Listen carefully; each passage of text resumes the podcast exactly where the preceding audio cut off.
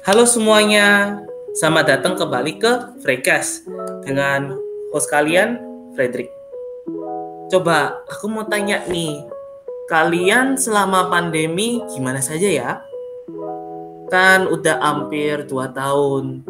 Semoga baik-baik saja ya.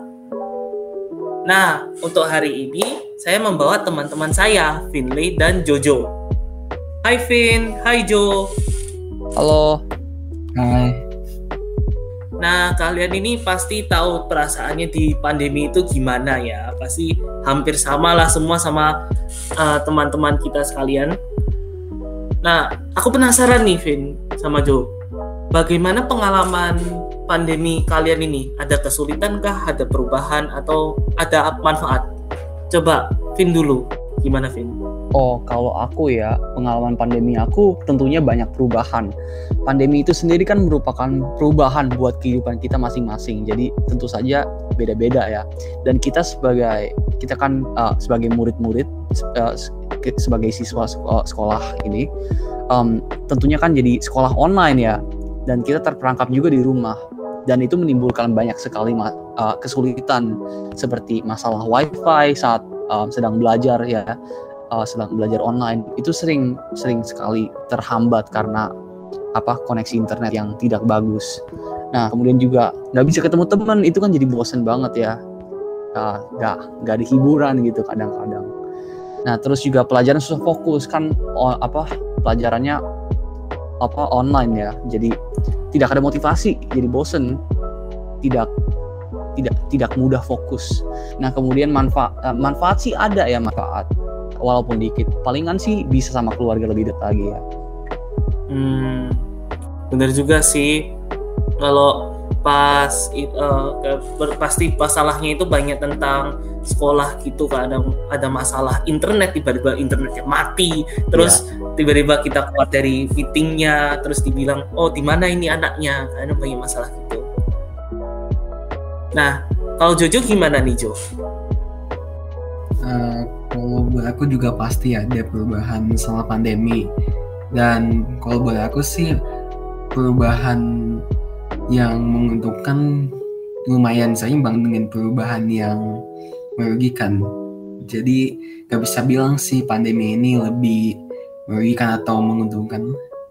Dan kalau spesifik tentang apa eh, kurang lebih juga sama tentang sekolah online iya sih bisa dibilang sekolah online itu ada beberapa yang baik ada beberapa yang jelek itu kadang lebih cepat kalau ngerjain tugas tapi kadang nggak bisa langsung ngomong sama guru kan Jo bener kan Jo iya yeah. hmm. nah Kenapa aku tanya tentang pandemi ini pengalaman gimana? Karena sekarang saya ingin berbicara bersama kalian semua itu tentang cara menangani kebosanan dalam pandemi ini. Kan kita semua itu sebagai murid ataupun guru IPK itu tentunya kebosanan itu pasti datang dalam mungkin belajar atau mendengarkan guru mendengarkan pembelajaran guru. Nah, coba kalau aku sih ya, kalau pas pembelajaran itu kadang sembunyi-sembunyi main game pas guru itu lagi jelasin hal-hal yang aku nggak terlalu pentingin banget. Waduh, nggak boleh itu, Fred. Ya sih bener sih, tapi ya gimana kadang apa itu susah banget nahaninnya. Nah, aku penasaran nih, bahwa kalian itu kalau bosen itu di aspek mana kayak adakah kebosanan dalam sekolah atau keluarga atau bersama teman-teman uh, gimana Jo? Kebosanan uh, sering kali ke ke emang ke sekolah online aja sih kalau buat aku karena memang kalau dibandingkan dengan sekolah dengan biasanya kelas itu emang tidak bisa dibantu bakal selalu terdengar lebih monoton dan membosankan dibandingkan kalau kita bertemu dan dikelilingi oleh teman-teman dan guru kita yang kita bisa berinteraksi secara langsung di tempat. Hmm, iya sih, nggak bisa langsung ngomong sama guru. Kayak, Pak Guru, saya mau bertanya. Tapi kalau keadaan pasti online, diem semua kalau kalau ada pertanyaan masih diem karena ya gitulah online. Iya. ya kadang. Nah, kalau Finlay nih, aku penasaran nih, kamu gimana, Vin? Oh kalau aku sih ya Fred, uh, pastinya ada ya. Gara-gara sekolah online kan jadi nggak bisa ketemu teman-teman di sekolah biasa. Terus di rumah kan sama keluarga doang ya jujur bosen lah. Kan keluarga itu adalah orang yang paling dekat sama kita, kok bisa bosen sama mereka gitu? Bukan oke bukan masalah dengan keluarganya sih, masalah dengan orang-orang yang samanya. Kalau misalnya sama teman-teman yang sama pasti juga bosen kan. Ini cuma masalah orangnya bukan masalah keluarganya. Iya sih, bener sih. Kalau ketemu orang-orang yang sama terus itu kadang jadinya kayak ah orang itu lagi wah bosen lama-lama liatin dia. Iya. Nah, Bukan bukan eh, aku juga penasaran cara kalian itu menghadapi kebosananmu itu itu gimana? Vin gimana kalau kamu Vin? Oh, kalau aku ya menghadapi kebosanan em, nggak ada cara spesifiknya sih. Tapi aku percaya kita semua punya cara-cara yang berbeda untuk hilangin bosan. Biasa sih aku cuma ya palingan main game atau tidur aja untuk menghabiskan waktu lu wa- waktu lu. Tapi sih belakangan ini aku lagi coba-coba hobi baru ya kayak coding gitu kan lebih dekat dengan fasilitas pribadi seperti komputer saya. Eh seperti, seperti- eh, kayak komputer aku ya. Jadi itu kan bisa digunakan untuk hobi Hmm, bener juga bisa menggunakan waktu luang itu, itu kebosanan itu untuk belajar hal-hal baru dan mencari hobi yang lebih banyak gitu, yang lebih bagus gitu kadang. Ya. Kalau Jojo gimana Jo? Cara menanganinya?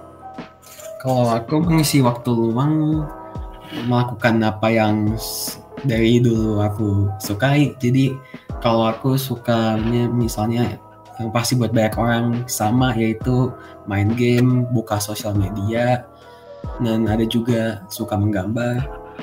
Jadi ya kalau kita lakukan yang yang kita suka ya otomatis kita akan merasa lebih betah dalam pandemi ini. Bener juga kalau biasanya itu pas bosan itu kita akan melakukan hal-hal yang kita suka. Tapi aku mau tambahin satu saran yaitu kita bisa menggunakan kebosanan itu untuk kreativitas kita. Karena ada penelitian di mana kebosanan itu dapat membuat kreativitas kita teman-teman. Tapi saya akan menjelaskan kepada teman-teman sekalian di episode yang lain.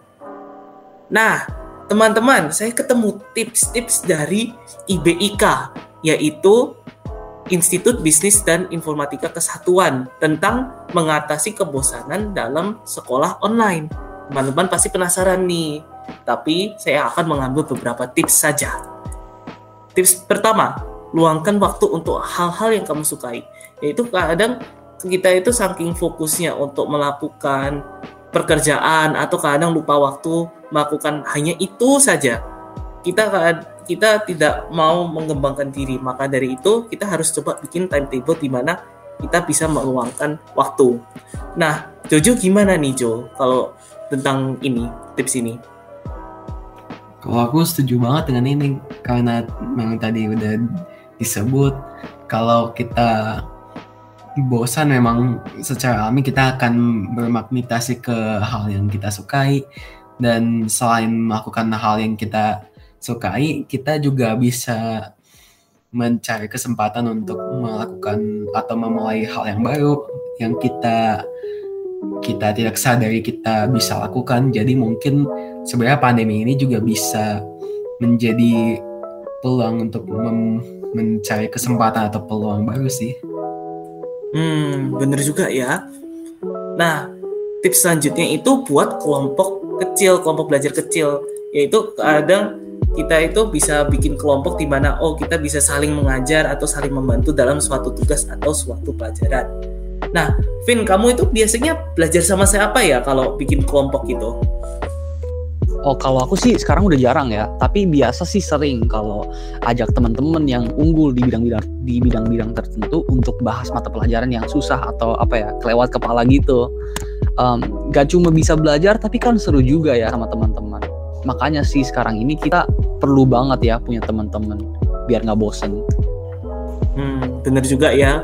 kadang kita juga bisa gunakan waktu itu bukan hanya untuk belajar tapi untuk bisa ngomong-ngomong tentang hal-hal lain kan Vin Iya, Nah, dengan itu kita bisa melihat bahwa banyak banget kita bisa lakukan untuk uh, mengenangani kebosanan kita, teman-teman.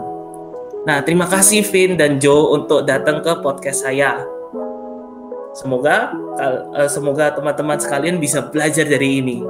Terima kasih. Sampai jumpa di episode selanjutnya. Freecast. Bye bye.